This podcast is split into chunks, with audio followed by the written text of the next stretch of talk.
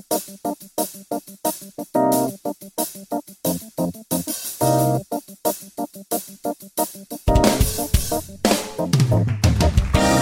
de solblekta stränderna i Santa Monica, Kalifornien. Mina damer och herrar, tillåt mig presentera Peppe Öhman, Magnus Silvenius Öhman. Det här är Magnus och Peppes podcast!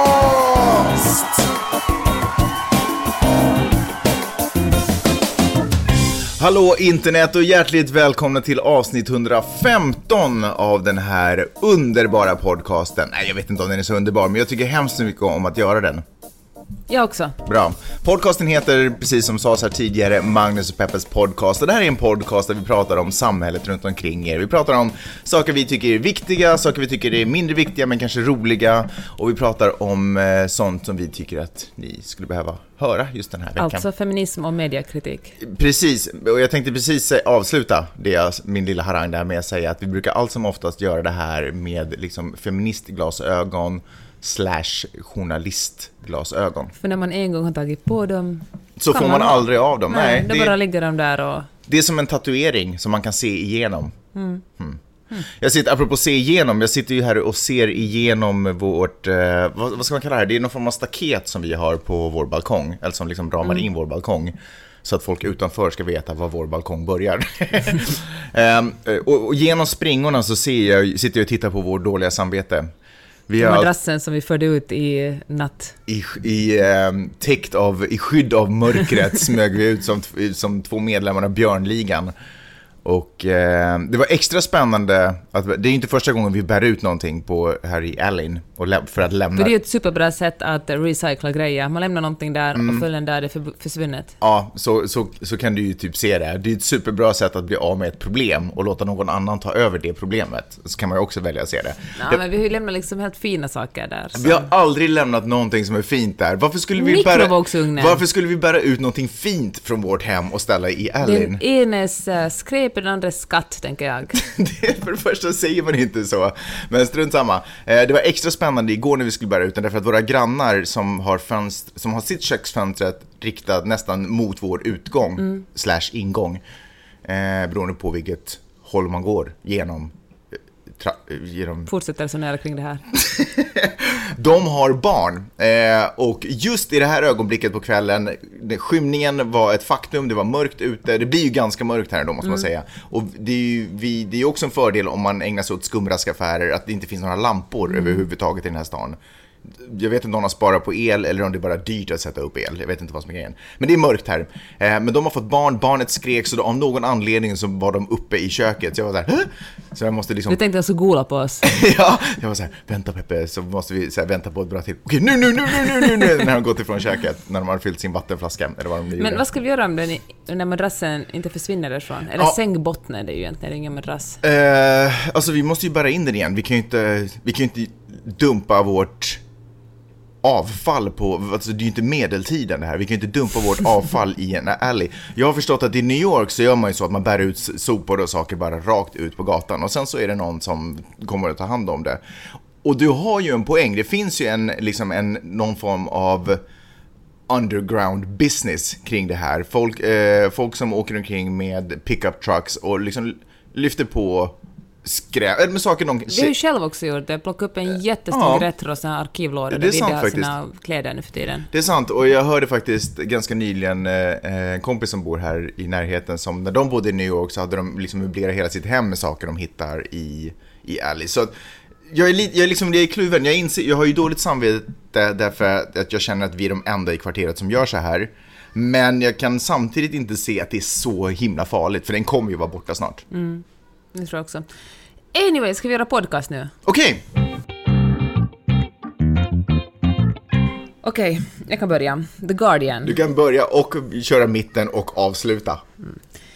The Guardian gjorde en undersökning på kommentarer de har fått under... De, de undersökte över 70 miljoner kommentarer. Fan vad det är mycket kommentarer. Det är ganska mycket kommentarer. Och så Det kollade är ju de... till och med mer än vad du får på Insta. En gång fick jag två. och eh, så kollade de vilka kommentarer som var så pass osakliga att de hade varit tvungna att ta bort dem. Och, eh, och det visade sig att eh, av tio kommentarer så var åtta stycken riktade mot kvinnor och två stycken mot män som inte var vita. Mhm. Och jag tror någon av männen var gay också. Så att man är kvinna, gay eller inte är vit, då kan man räkna med att få de vidrigaste kommentarerna. Och det här är ju kanske ingen nyhet, Nej. det, liksom, det vet ju egentligen alla.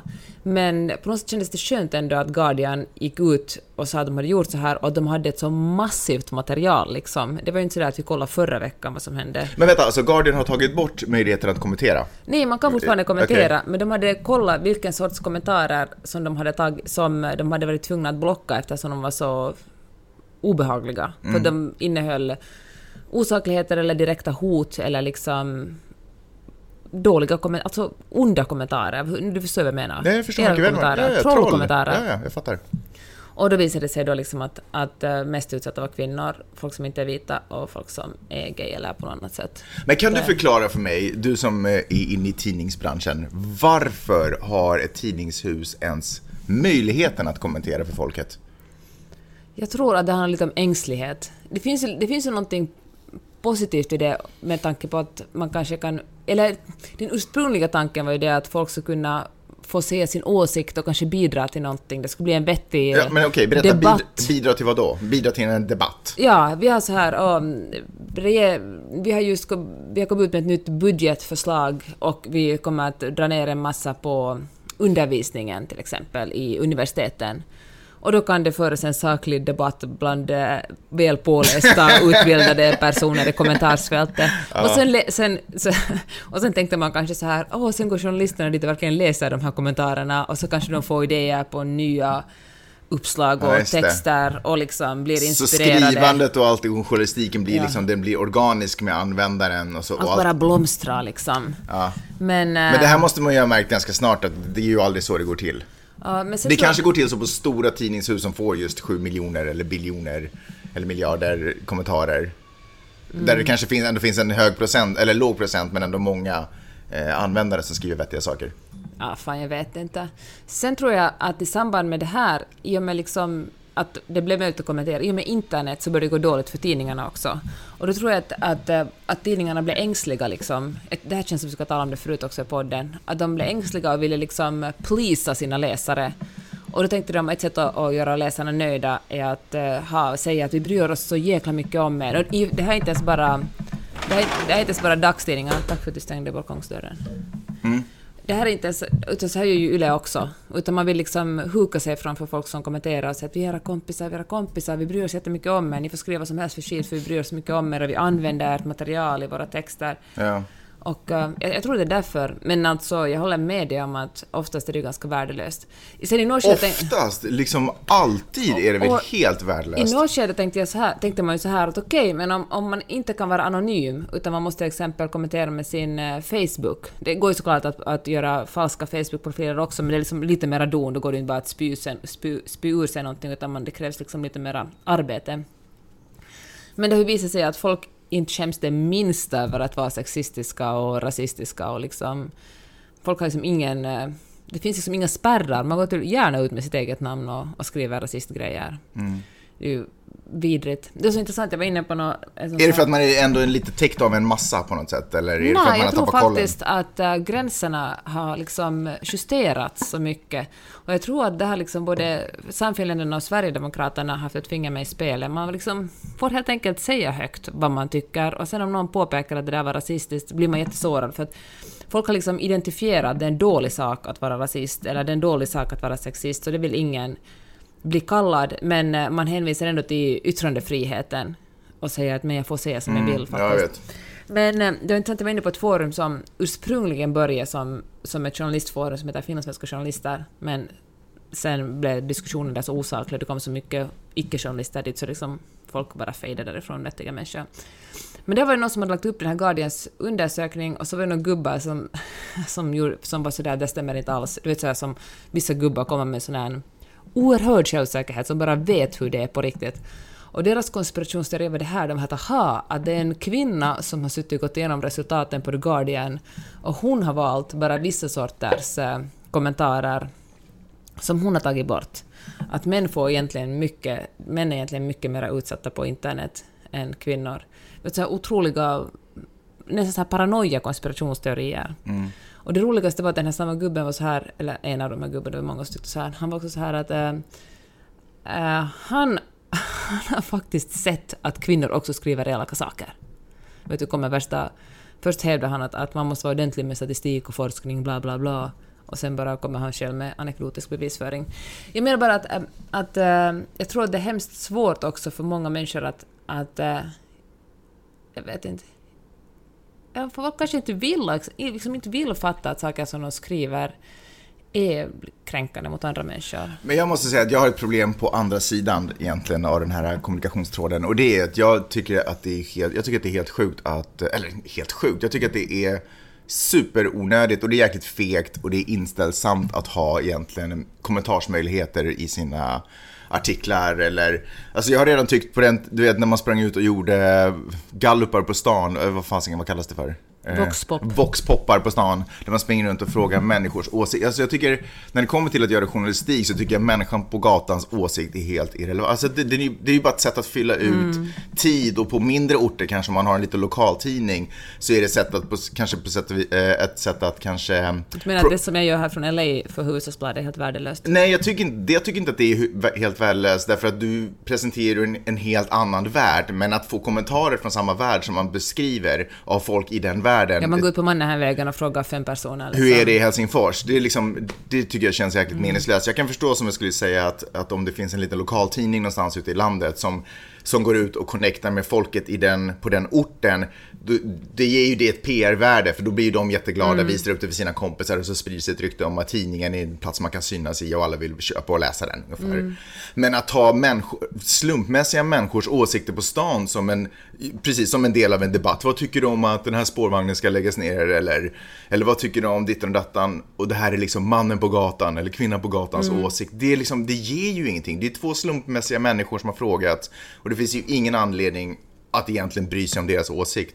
Och samma sak tycker jag också egentligen kommentarsfälten i tidningar. Det är ju ett, det är ett fegt sätt och, och dessutom så är det, det lockar två, till två riktigt dåliga saker.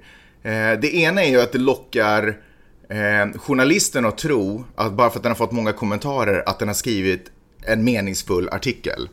Eh, för det är inte nödvändigtvis alltid fallet. Journalisten måste ju ha egen, själv vara den som har koll på om den är meningsfull mm. eller inte. Och i bästa fall så har den ju aldrig skrivits om den inte har varit meningsfull in the first place. Eh, men man börjar, man börjar ta man börjar ta komplimanger, eller man börjar läsa in eh, liksom, bekräftelse. Bekräftelse, kanske. precis. Man börjar läsa in bekräft, man börjar få bekräftelse från uppmärksamheten en viss sorts artiklar får. Och det tycker jag är helt sjukt. Det, det har ju inte jag tycker att en journalistartikel ska diskuteras i journalistiska forum om det är så att man har någon åsikt om mm. hur den här journalistiken skedde.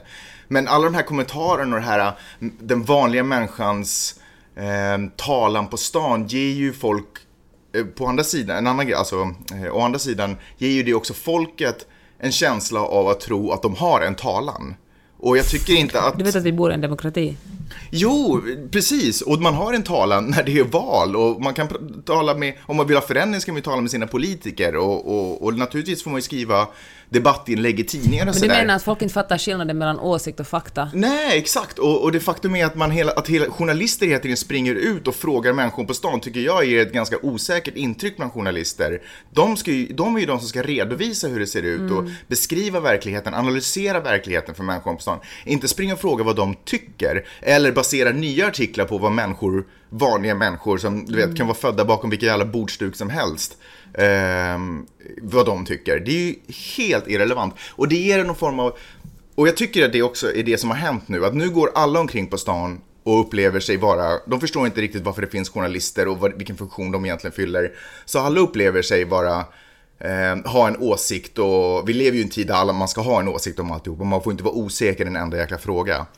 Och så fort man tar papper och penna i handen, höll jag på att säga, men så fort man sätter tangentbordet under händerna och, börjar, och öppnar upp en blogg, så är man på något sätt så, har man, så finns det en bild av att man utför någon form av journalistiskt arbete. Det är ju helt, det bara underminerar alltihopa. Och det ger ju utrymme till så här dumma sajter som eh, MV Letti och alla vad de heter och så här främlingsfientliga. Därför att det finns ju ingen som förstår skillnaden mellan journalistiskt arbete och en åsikt. Men det åsikts... finns ju folk som förstår skillnaden. Ja, men de är uppenbarligen inte tillräckligt många eftersom ti- tidningar inte säljer på samma sätt. Förut fanns ju ett förtroende för vad journalisten gjorde. Man var intresserad av omvärlden. Men du, tänker, du menar att det är lite journalisterna säkert fel som... Är för, Absolut, för om man hela tiden springer runt och frågar vad alla andra människor tycker, då börjar ju folk tro att, jaha, okej, då vet ju jag.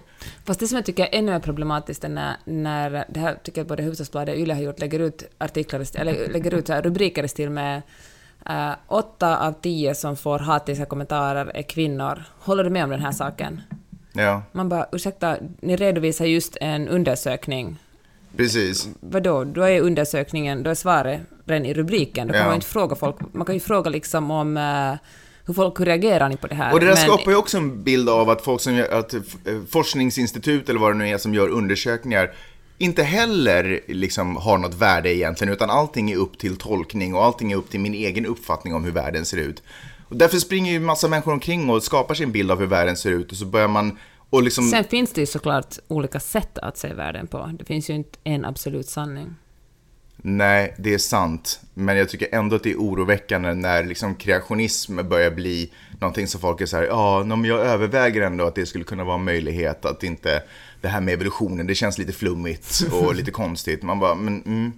Fast om vi, inte, om vi inte lutar oss tillbaka på vetenskapen, då kan vi alla bara sitta och hitta på och komma på vad fan som helst och bara bestämma oss för att det är på det sättet.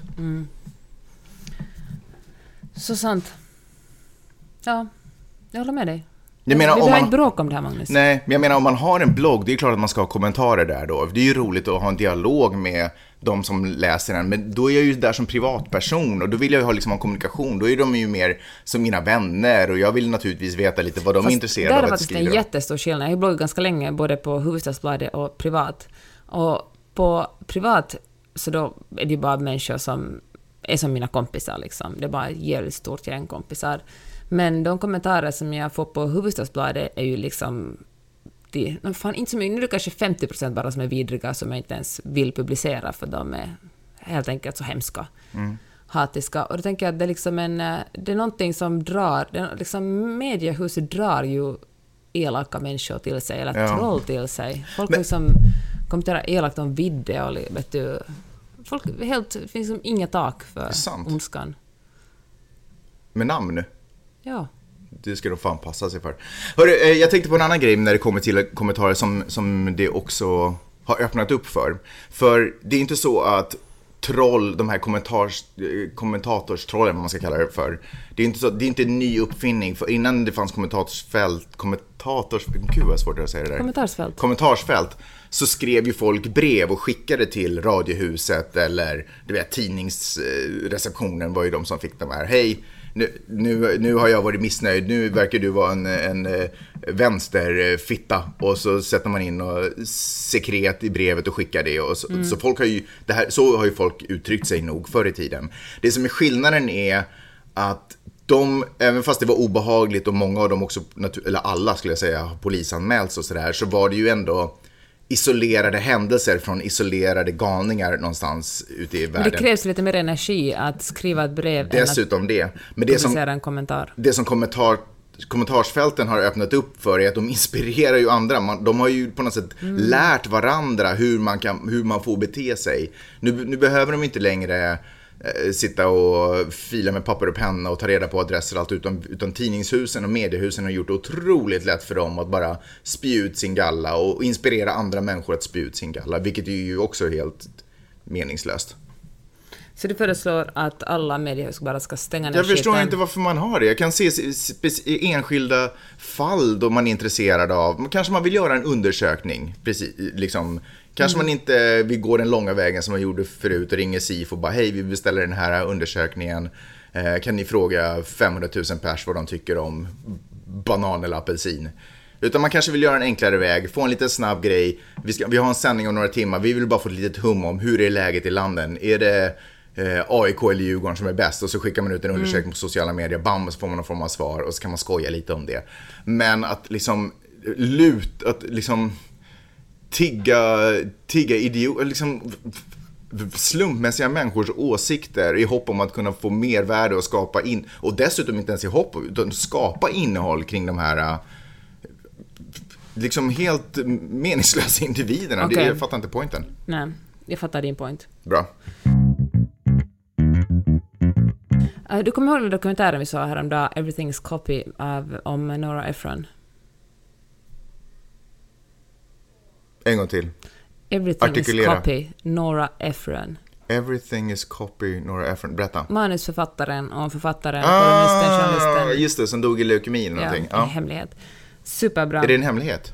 Nej men hon berättade inte att någon att hon hade leukemi, Ja, ja, ja. hon bara fortsatte som förut. Mm. Och eh, då tänkte jag på en grej som vi också talade om lite när vi såg där, när vi såg filmen, att... ehm, Får jag ge en liten kort eh, vad den handlar om alltså? En, en eh, krönikör och en författare och novellist som har skrivit jättemycket manusfilmer, eller skrivit manus till flera filmer, bland annat When Harry Met Sally och Sleepless in Seattle och den, den erans filmer har gjort. Eh, Det var en film om hennes liv, hon var tydligen en fantastisk skribent helt enkelt med en egen stil och en egen röst. jag tror att många vet vem hon är. Ja, jag bara mm, hook you up om ni inte visste. Nu kan alla säga att de visste utan att någon... Det var schysst. Snällt, Magnus. I alla fall så var det, intervjuades Meryl Streep och en massa andra kändisar som har varit med i många av hennes filmer. Och också Meg Ryan, som ju var med i både Even Harry Met Sally och Sleepless in Seattle. Och hon har ju eh, äh, plastikopererat sig ganska mycket. Och då, tala, då tänkte jag på det som vi talade om att vad fan, folk ska väl ta och skita i hur hon ser ut faktiskt. För att, eh, sen, jag läste flera recensioner av den här dokumentären och det var alla tvungna att påpeka, också till och med feministiska recensioner, att hon har sönderopererat sig.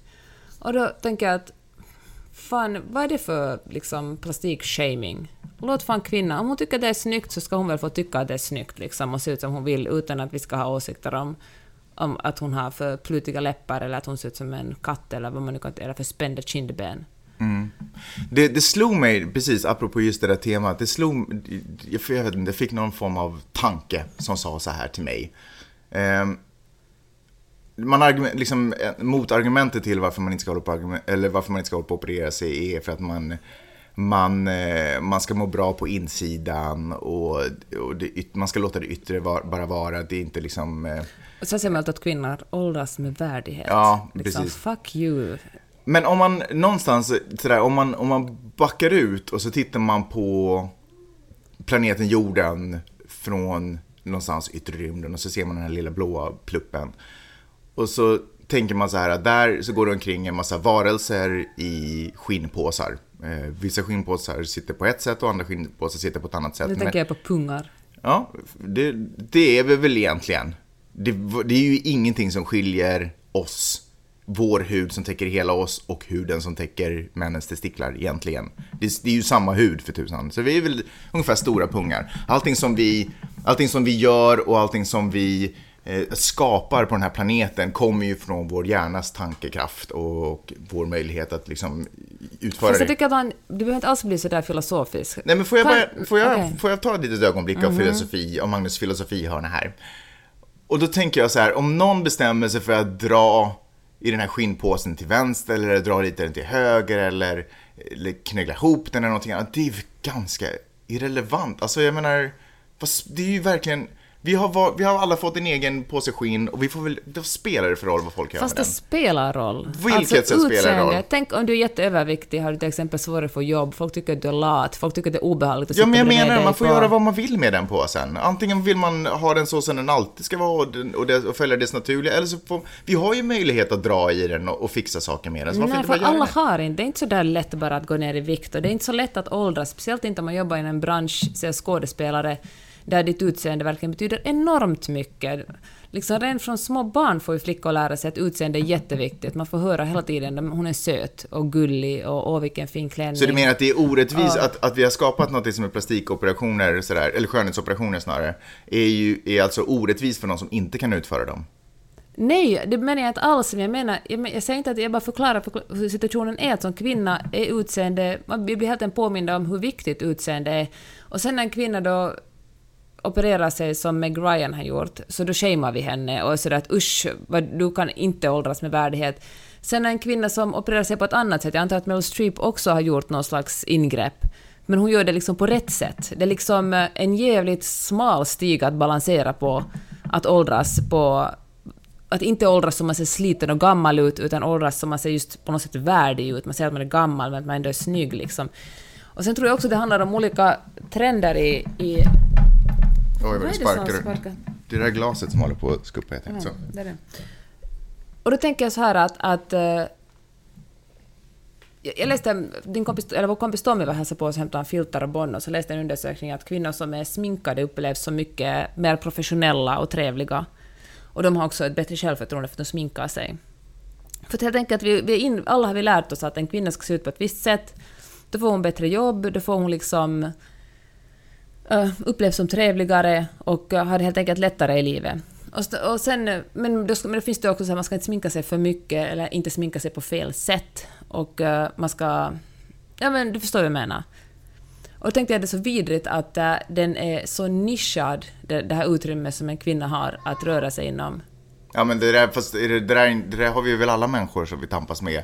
Män ska vara långa eller korta beroende på vad, vad det är för någonting de Men ska män har leva ju med. inte på nära håll samma utseendepress på sig som kvinnor.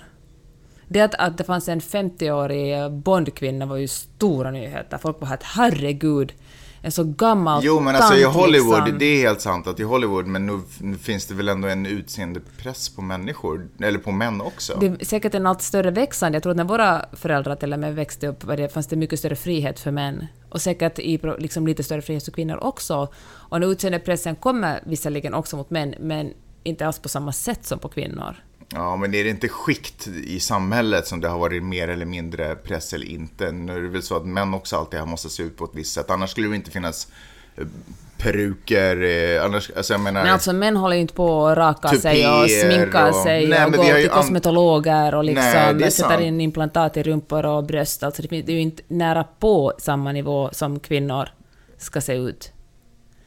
Nej, men å andra sidan tampas med hår, tunn, tunnhet, eller vad fan det heter. Och när det kommer till Hollywood-män så kolla bara på hur de Travolta ser ut. Och de gör ju alla massa... Men eh, hur många liksom tjocka Hollywoodmän, Ja, tjocka gamla på, som... Nu fokuserar du bara på fetma eller på övervikt, men det finns ju Eller, andra så eller skalliga ansiktsdrag män, eller... eller... Nej, men det Jo, finns men det är ju klart Steve man- Buscemi, Danny DeVito, jag menar...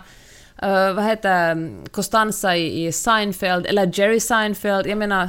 Jag kan nämna hur många icke-modelliga män som helst om vi talar om Hollywood. Ja, Medan kvinnorna är uteslutande snygga. ja okej. Alltså jo, jag, jag ser det också, men jag tror bara att det är liksom en viss sorts skönhetsideal faller på kvinnor och en annan sorts skönhetsideal faller på män. Men den som... Men, De är bara inte samma. Det är inte så att bara för att kvinnor ska ha kajal förväntas män ha kajal. Det, det är bara olika regler för olika nej, män och men kvinnor. vet du vad, alltså, men, jag, jag kan hålla med om att männen kanske har det kan vara stressigt att, att tappa håret, men den dagliga press som kvinnor går igenom verkligen med att sminka sig, att ha Plus att du tog, de mest, kläder. du tog de mest lösryckta männen på, äh, lösryckta, du tog de mest liksom, det var ju en kategori män, du, du nämnde inte Brad Pitt, du nämnde inte, nämnde inte George Clooney, du nämnde inte eh, Men så du menar- Ryan, C- Nej. nej, äh, nej, Ryan Seacrest, och du nämnde inte, vad heter den andra? Men det är klart det finns snygga män, men det finns också... Ross Gosling. Men det, finns, det är klart det finns också snygga män, men det finns en massa olika sorters män. Medan alla kvinnor är snygga och smala. Det finns Melissa McCartney som inte är smal. Det finns så många, smala, så många tjocka kvinnor att man kan räkna dem på en hand. Men de flesta kvinnorna är unga och vackra. Däremot finns det män i Men alla titta hela det åldrar och där alla storlekar. komedigänget som till exempel gör Ghostbusters, ingen av dem är ju snygga tjejer. Men argumenterar du på riktigt emot mig att det finns samma variation bland kvinnor, skådespelare i ålder, kroppsstorlek och utseende som det finns män, att det är samma sak? Nej, men du behöver inte bli upprörd, men du kan väl Det är åtminstone... ingen roligt med den här podden om jag inte blir upprörd. du, har ju, du har ju valt en kategori kvinnor mot en annan kategori män. Du ser Nej. inte på det rättvist. Och förklara långsamt för mig på vilket sätt. Du menar att det finns en lika stor skillnad bland kvinnor? Det finns gamla kvinnor, tjocka kvinnor, eh, traditionellt inte attraktiva kvinnor på samma sätt som skådespelare, på samma sätt som det finns män. Det, det inte, nej. Du menar att alla män är liksom också unga och snygga? Nej, men och, jag skulle inte säga att den, den, den kategori av män som, som, ska, som har som press på sig att se snygg ut är försvinnande liten i förhållande till de kvinnorna som har press på sig att se snygg ut i Hollywood. Det skulle jag inte vilja påstå. Det finns också snygga män. Hollywood är ju en plats för snygga människor att synas på duken. Nej, därför Jo. det finns mycket, jo också, men det finns mycket fler roller för män som inte är traditionellt snygga än vad det finns för kvinnor Ja. som inte är traditionellt snygga. Ja, och finns mycket mer, fler roller för mm, människor som är vita och än människor med färg. Ja, Exakt, de precis. orättvisorna finns, det är helt sant. Men återigen, så den grupp, alltså det finns en enormt stor grupp av skådespelande män och män generellt som har press på sig att se ut på ett visst sätt. Okej, men då går vi till bort, om vi lämnar Hollywood eftersom du har fel och jag har rätt. Ja, Och går till vardagslivet då. Mm. Vem tror du har ett större utseendepress på sig, en man eller en kvinna? Eller vem sätter mer tid och pengar på sitt utseende, en man eller en kvinna? Alltså generellt på jorden, så skulle, eller generellt i västvärlden så skulle jag absolut säga att kvinnan gör det. Bra, det var min poäng. Mm. Tack. Bra, men återigen, jag vill bara säga att jag skulle inte säga att den andra gruppen är försvinnande liten. Det har jag inte heller sagt, men jag menar bara att det finns, det finns också press, men, men inte... Ja, men det finns ingen, nu jag tycker att den är så pass stor att det finns ingen anledning att bara prata om kvinnors press. Jag tycker att den är så pass stor den andra gruppen att man ändå också nog kan inkludera den när man pratar Nej, om men press. berätta om den. Press- berätta om men- pressen då. Men jag är, på, jag är uppriktigt int- intresserad. vadå berätta om Nej, men jag pressen? kan berätta den kvinnopressen. Jag kan säga så här att efter att du fyller 40 eller 45, när du inte ändå kan få barn, då är du ganska osynlig, då finns du inte mera. För då är du inte så intressant. Du, unga kvinnor sminkar sig inte, de allra flesta sminkar sig. Åtminstone lite. Det kan, kanske, jag vet, eller kanske bara representerar någon slags uh, urban hipster-perspektiv nu. Uh, hur mycket, vad tror du, vem sätter mer pengar på kläder, kvinnor eller män? Men va, va, va, varför, håller du på att tjafsa med mig? Vadå, tror inte att vi står och tittar oss i spegeln och, och ser... Om man, om man en gång har varit eh, någorlunda atletisk eller inte, tror inte vi står och tittar i spegeln Men och det är- här, holy fuck, det där händer inte längre, vad synd. Och det nej. jätte- men det är stor skillnad, för fattar du mängden pengar kvinnor sätter ner till exempel på att köpa smink, att köpa kläder, att raka benen, för det finns, och då kan man ju säga så att men gör inte då, men det finns vissa normer som säger att, att om du ser ut på ett visst sätt är det lite lättare för dig. Det är Mm. samma sätt så att om du är vit och snygg och ung är det lite lättare för dig på arbetsplatser och livet, kanske på bord på restauranger och vad som helst, än om du är gammal och osminkad och kanske inte enligt normen snygg. Ja, fine. Ja, men då... för att knyta ihop den här superintressanta diskussionen tänker jag bara att äh, sluta shamea... fan heter hon? Meg Ryan för att hon har plastikopererat sig på det sättet hon har gjort. Varför då? Du, sa ju, du har ju egentligen argumenterat för att hon bidrar ju till att upprätthålla den här Nej, om vi fortsätter shamea folk och säga att det finns bara ett sätt Ja, att men vara om folk snygg på... fortsätter att operera sig och upprätthålla någon form av skönhetsstandard så får man ju aldrig, man får ju aldrig exempel, man får ju aldrig förebilder som, som visar, ja men så här är kvinnor, så här kommer vi alltid vara. det- Take jag- it or leave it. Men åtminstone genom att shamea folk får man ju inga bra Nej, förebilder. det är sant, men genom att... vi- Istället kanske man ska uppmuntra folk, till exempel uh, Broad City tycker Men jag är en det- superbra TV-serie som Ja. visar att det är en ny generation. Eller fucking Lena Dunham också, Mm. som visar att det går att vara fan inte supersmal och naken. Ja, det är på- alltid fokus på den där vikten. Det är som att män aldrig lider av övervikt, det är jättekonstigt. Men, Men, vet du hur mycket mer fatshameade kvinnor blir än män? whatever. Kolla, det kanske vi kan du gå, tror. Vi kan, ska vi gå till en affär och så kollar vi på... Vi, vi kan gå upp till Pavilions här och så kollar vi på de där jävla mm, skvallertidningarna. Vilka som har fler kvinnorumpor på sig där det står haha kolla den här skådisen har varit på stranden, hon har blivit en tjockis, kolla Britney Spears har gått upp i vikt igen. Och Mm. jämföra med hur många snubbar som blir fatshameade i dem. Ja, fair enough, kanske. Men jag, tror, jag skulle inte vilja påstå att män kommer undan den grejen heller. Alla Nej, älskar men folk som har varit snygga det är som inte är också synd om, det är Men- också synd om män, men ni har, Men alltså, det- måste man alltid, må- måste man alltid liksom säga så att ja, det går också synd, men det finns Nej, vissa men strukturer all- och normer som drabbar kvinnor lite hårdare. Måste, men alltid Jo, när man men du vad, diskuterar man det behöver måste man alltid säga så här, ja, ja, men det är också synd om Jo, män. det, det är sant, så är det. Men man behöver inte alltid krysta till de där skillnaderna. De finns ändå. Man behöver inte krysta till dem och alltid göra ett stort nummer av att det är värre för den ena än det är för den andra. När det inte alltid nödvändigtvis är det. De skillnaderna finns redan.